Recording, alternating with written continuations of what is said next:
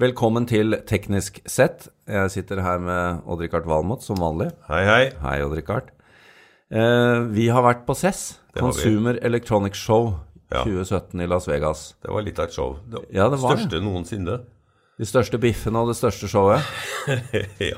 ja. Nå er vi så vidt kommet oss i døgnrytmen. Men eh, det er eh, bra med CES, og det er jo eh, fascinerende at det ikke lenger dreier seg om konsument, men dette er jo stedet der teknologiplattformene møtes. Ja. Um, men det en ting, eh, en ting vi la merke til, at det var Det er ikke så mange norske contenders Nei, det er, altså, det er jo det var 175 000 som besøkte messa, og 3800 utstillere. Og så vidt jeg vet, så var det fire norske utstillere. Ja. Men all ære til de, da. ja. Og så var det, så var det selvfølgelig veldig mange nordmenn som besøkte messa. ja, det er vel kanskje overrepresentert eh, der. Blant annet oss. oss. Blant annet oss, ja. Ja. Men eh, gi oss litt input da, på disse norske som tross alt var der. Altså en, det, er, det er en par som har holdt på det her veldig lenge. Det er Nordic Semiconductor. altså De er jo faktisk nå De produserer halvparten av alle Bluetooth low energy-chips i verden. Og det er jo Bluetooth low energy i nesten alt for tida. Ja. Og Det betyr at veldig veldig mange av de som stilte ut på CESS, er kunder av Nordic. De må ha det for å få De må- produktene til å funke. Ja, de må det. altså Ellers så blir det jo ikke noe samtale mellom mobilen og dingsen. ikke sant? Så de klart, de var der for å skaffe seg nye kunder og møte alle de andre. Og de har en sånn, sånn svær toetasjes eh, stand, hvor vi fikk lov å eh, møte sjefen i annen etasje. Det stemmer, vi gjorde til og med et intervju, det kan vi sikkert linke til. Det kan vi linke til. Ja.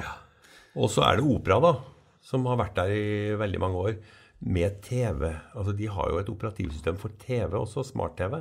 Vi, vi skylder de en liten unnskyldning, for Ja, vi, sta, vi stakk ikke Vi stakk ikke innom. Så Nei. Frode, unnskyld.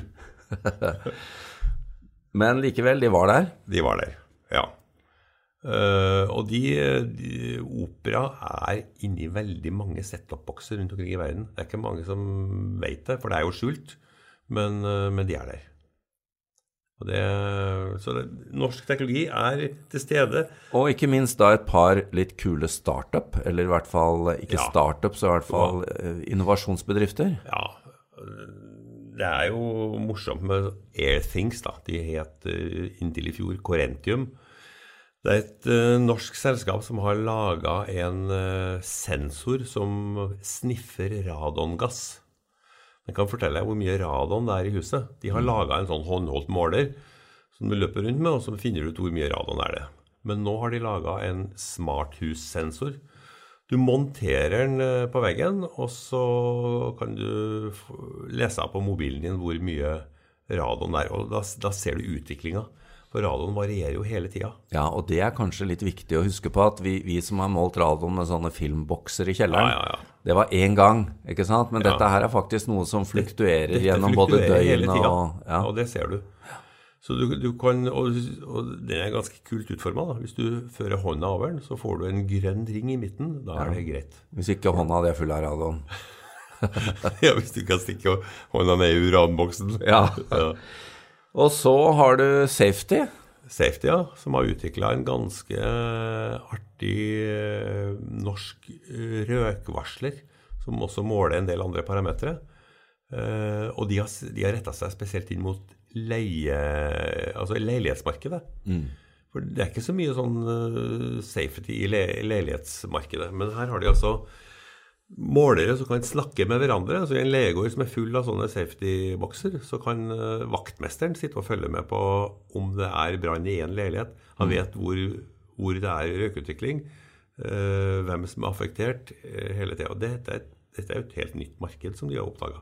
Og det vi fikk høre da, det var at både, foruten Nordic, så fikk jo både Airthings og Safety nytte av å være der. De Ja. fikk jo kontakt med nye markeder, så vi må jo bare appellere til norske bedrifter som vil ut, at dette er jo en god møteplass. Ja, det, det er det virkelig. Det er en god møteplass. Det var mange som snakka om én sånn big uh, i timen, en Ja, storkunde i En timen, storkunde i timen, ja. det er bra uttelling. Altså. Ja, det det, er er bra dyrt å være der òg, Ja, det skal sies. Men foruten dette, så er det som du sa, det er mange som er innom også, som ikke nødvendigvis er utstiller. Ja. Vi var jo borti en norsk aktør som flaksa rundt på rulleski. Ja, det. Men disse gutta hadde kontroll på, på utstyret fordi De hadde altså bremser, utvikla rulleski med bremser. Ja. Og jeg kan Jeg har aldri fatta begrepet at folk tør å gå på rulleski. Men nå Men skjønner du det. på vanlig ski så kan du ploge, ikke sant? Ja. Det er ikke så lett å ploge med rulleski. Nei. Du skal i hvert fall være veldig god. Men det slipper du med disse roller safe-skiene. Der har du også bremser i, eh, I staven? I, staven. Individuelle bremser. bremser Og hvilken teknologi bruker du fra staven og ned? Jeg bruker selvfølgelig eh, Nordic? Nordic sin Bluetooth low energy. Ja. Ja, En av kundene. Et veldig godt eksempel, faktisk. Ja, vi, fikk, vi var senere i San Francisco og fikk en demonstrasjon. Det vi også laga en sak på, som vi har lagt ut. Som ser hvordan du kan bremse ned rulleski. Dette er altså norske eh, entreprenører som lager eh, bremser på rulleski, hydrauliske bremser. Ja, og de har tenkt mye lenger. ikke sant? De Ja. har tenkt rollerblades og Nå kommer det på rollerblades, og det skal de da lansere i løpet av året her, sant? de. Med bremselys. Rollerblades med bremselys. Ja, fantastisk. Ja. Det, det kan kanskje vi bruke neste gang vi er på CES, for det er store avstander. At vi har bremselys. Men Ja, får sånne til som oss eh, begynner å stoppe opp, da Hør, en, en av de tingene som, eh, som jeg syns er veldig spennende nå, er jo disse lagene med teknologi som begynner å, som begynner å virke sammen. Ja. Foruten eh, stadig kraftigere mikroprosessorer og systemer, så har du jo dette med disse sensorene Ja. av alle varianter, og du har da disse lavenergikommunikasjonssystemene, der Nordic jo er stor. Og så har du litt sånn artificial intelligence, og så har du elektrifisering. Det, disse lagene virker nå, det har blitt et moment i alle lag, og nå begynner de å virke sammen. Et av de områdene der dette også begynner å virke seg på, er jo bil. Altså, Ja. det, dette har jo blitt en arena for å slippe nye ja. Altså, jeg har vært Nye med konsepter. Første dagen jeg var på CES, det var i 1997. Ja, Da var det jo knapt noe fra bil der. Det var noen som stilte ut ny bilstereo, men det var det. Og så kom det etter hvert mer og mer hele biler inn på CES, og det var stort sett lydanlegget de snakka om. Nå er det ikke mye snakk om det. Nå er det snakk Mm. Nye om uh, plattformer. plattformer altså. Det, er der er der det skjer store ting på elbil og sammenkobla biler og autonome kjøretøyer og sånt. For her, nå er det et ganske godt tidspunkt for oss å presisere at vi har jo tro på elektrifisering av bilparken. Ja, vi har jo spådd stempelmotorens død. Det gjentar vi ofte, da. Ja, jo, men Og- den kommer jo, det er bare spørsmål om tid. Det gjør det. Selv om du er veldig glad i Nissans nye variabelteknologi på Kompresjonsforholdet. kompresjonsforholdet. Ja, det er, det er fantastisk. Ja, Men uh, vi var jo på Det er Pet Petrohodenes siste Ja, hopp. det, det, det smeller litt i bak lillehjernen, kjenner jeg. Men det går over. Men uh, det skjedde mye spennende på annonsering på bil, eh, på bil der borte. Ja, altså I tillegg til autonome biler altså Det, det toget ruller jo med en fantastisk fart, og det skjedde mye der. Så snakka man nå i stadig sterkere grad om connected cars. Ja.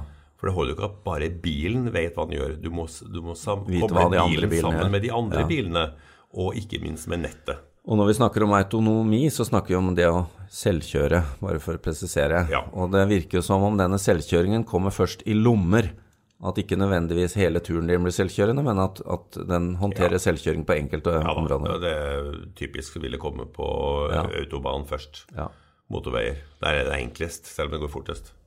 Andre ting du vil eh, nevne fra CES? Nei, altså, det, det, det brygger seg opp en veldig stor konkurranse på AI, altså kunstig intelligens, i nettskyen. Ja. Mm. Jeg kjøpte jo med meg en sånn eh, Amazon Echo, en sånn liten høyttaler du kan ha på pulten. Du kan spørre om hva som helst. Hvor langt er det til månen? Hvor mye veier Jan Ja, ja. Moberg? Ja. vi som sitter rundt deg, er jo lei av den. Vi kommer til å kaste den ganske snart. Sannsynligvis. jeg får murre meg inn. Men uh, både det, det er de store, altså. Det er Amazon og Microsoft og Google som har de her, de her kapasitetene og den forskninga som skal til. Og som vil, som vil trenge seg frem overalt, altså. Etter hvert. I smarthuset, i bilen, i smartbyen etc. etc. Dette er jo maskineriet som skal hjelpe til å drive det her. Og så skjer det mye på 3D-print. Ja, prisen har falt, skjønner jeg. Pris, altså Jeg har aldri sett printer til 299 dollar. Men det er, jo, er ikke dette bare leketøy, da? Jo, det er bare leketøy. Det er det. Men jeg så en ny teknologi. altså Metallprinter er jo på en måte litt sånn hobby. Da, da snakker du om industrisegmentet? Ja, øh, billig industrisegment. Ja, ja. Prototyp, vil jeg si. Eh, hvor, de, hvor de har altså en plaststreng med metallpulver i. Uh, og så printer de ut en gjenstand, og så sintrer de den etterpå, hvor plasten uh, fordamper. Og igjen står det igjen med metallet. Kun metall, ja. Tiendeparten av prisen snakker de om. ja. Det er en, Spennende å det er en liten revolusjon. Ja, Ja. Da, kan du starte eh, fra scratch uten å investere mange titalls millioner. Produksjonsserie. ja, for dette var en billig sak. Ja. Det var også masse om VR og AR og 360. Ja. Det var uh, mye om droner i alle formater. Um, Ja, det, droner utvikler seg hele tida, samtidig som forbudene trykkes ned. Altså, flere og flere samfunn skjønner jo at du kan ikke ha droner flyende overalt. Nei, det ene er jo faren for å krasje med det, det andre er jo hva de kan frakte. Ja, og hva de kan se. ikke sant? Ja, At du har en ja. drone hengende utafor soverommet, det er ikke morsomt. Nei, det, det blir lovgivning der òg. Um, før vi går over på konsumentsegmentet, du hadde en prat med, med Teknologi- teknologisjefen i Eriksson. Ja. Det er jo blitt litt sånn Er sånn ikke Eriksson eh, over og ut, da? Jeg har hørt at det, går, det er veldig krevende for det. De har fått veldig tøff konkurranse fra, fra spesielt Huawei, det er ingen tvil om. Nei, Jeg skjønner jo at de har litt på lager, men er det håp? Ja, det tror jeg absolutt. Ja. Eh, De har, de har fremdeles en betydelig markedsposisjon, og det er jo kanskje fremst de og Huawei som leder forskninga her. Og 5G, som vi har hørt om i mange år nå, det er jo helt vesentlig for at mye av det andre som vi har snakka om, skal skje. Nå snakker du om grunnteknologien for det Ja. som blir den neste Hvis en bil skal, skal på en måte respondere eh, via nettet, så må du ha Tidlig nok, nok. utrolig kort signal, signal, signalforsinkelse, ikke sant? Eh, Som 4G ikke kan gi deg. Da må du over på 5G. Veldig bra. Det var noen av highlightsene fra Consumer Electronic Show, som egentlig ikke var så veldig konsumerorientert. Men vi har også fått inn Ole her. Hei, Ole. Hei, hei. Fra Tech. Du var jo også der, og, men du, du er jo litt sånn TV-frik. Ja, Det må jeg jo få lov til å kalle deg. Ja, hun- Og eh, da er vi mer over på det som er rent konsument, da. Men eh, Og, og TV-bransjen har jo hatt sånne kriger oppimellom, har jeg, opp igjennom, har jeg fått inntrykk av. Ja. De slår hverandre i hodet sånn at annethvert år må være først. Hva var, hva var greia i år? I år så er det jo betydelig større fokus på OLED, og ikke minst QLED. QLED. Det er liksom de to nye arge rivalene. Så når jeg sitter hjemme med OLED og ikke har QLED, så er jeg litt taper. Ikke nødvendigvis, eh, men klart, det som er spesielt med QLED, er at de nå kan by på en eh, lysstyrke som er helt eh, Som er over nærmere 2000 nits. Da må du forklare litt sånn eh, hva Ja, altså, du kan si eh, TV-er fram til for et par år siden blei eh, holdt seg til, til 100 nits da, som en eh, slags produksjonsstandard for lys. Og nå har de da endra den. 2000? Nå har den gått helt opp til 20-gangeren. 2000. Ja, det er det. Du må bruke solbriller, kanskje sveisebriller når du ser på TV-en i fremtiden. Kan, eh, kan trenges. Um, altså det de gjør, er at de de har hevet skalaen for lysstyrke, og ikke minst hvor mye farger du kan vise i mye lys. Det er jo en stor forandring. Uh, QLED i seg selv er jo for så vidt ikke noe helt nytt. Det er jo et Skal jeg si De har jo satt et nytt navn på det. Det er jo rett og slett uh, Quantum Dot, som har blitt videreutvikla nå til tredje generasjon. Det er jo Samsung som har behov for å på en måte muskle seg litt opp mot eh, OLED-toget fra LG. Og det gjør de på lysstyrke. Ja, det gjør de absolutt. Det, og du kan si Samsung er vel nå snart den eneste av de store som ikke har valgt å gå for OLED. Eh, Sony valgte jo å eh, presentere en ny toppmodell i OLED i år.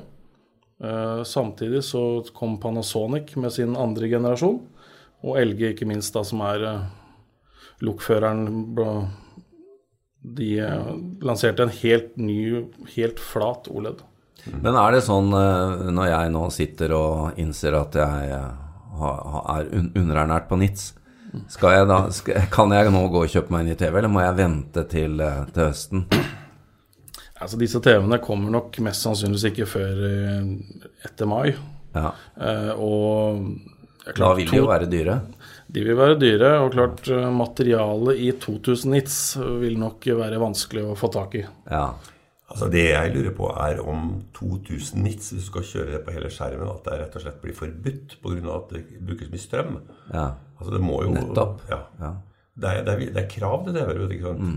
Du får ikke lov til å bruke så Energiklassifisering. Ja, og hvordan det går med 2000 nits og, og strømkravene, det er jeg litt usikker på. Nei, det blir som å ha enten ha Du kan ha en V8-er eller en eh, 2000 nits-TV. Det vil den. Men uh, foruten uh, dette, Sony nevnte du. Ja. eh, De hadde jo en veldig spennende modell på gang. fordi at det, OLED i seg selv er jo på en måte ikke kanskje noe helt nytt, men de hadde jo løst dette med lyden fra TV-en på en helt spesiell måte. Akkurat.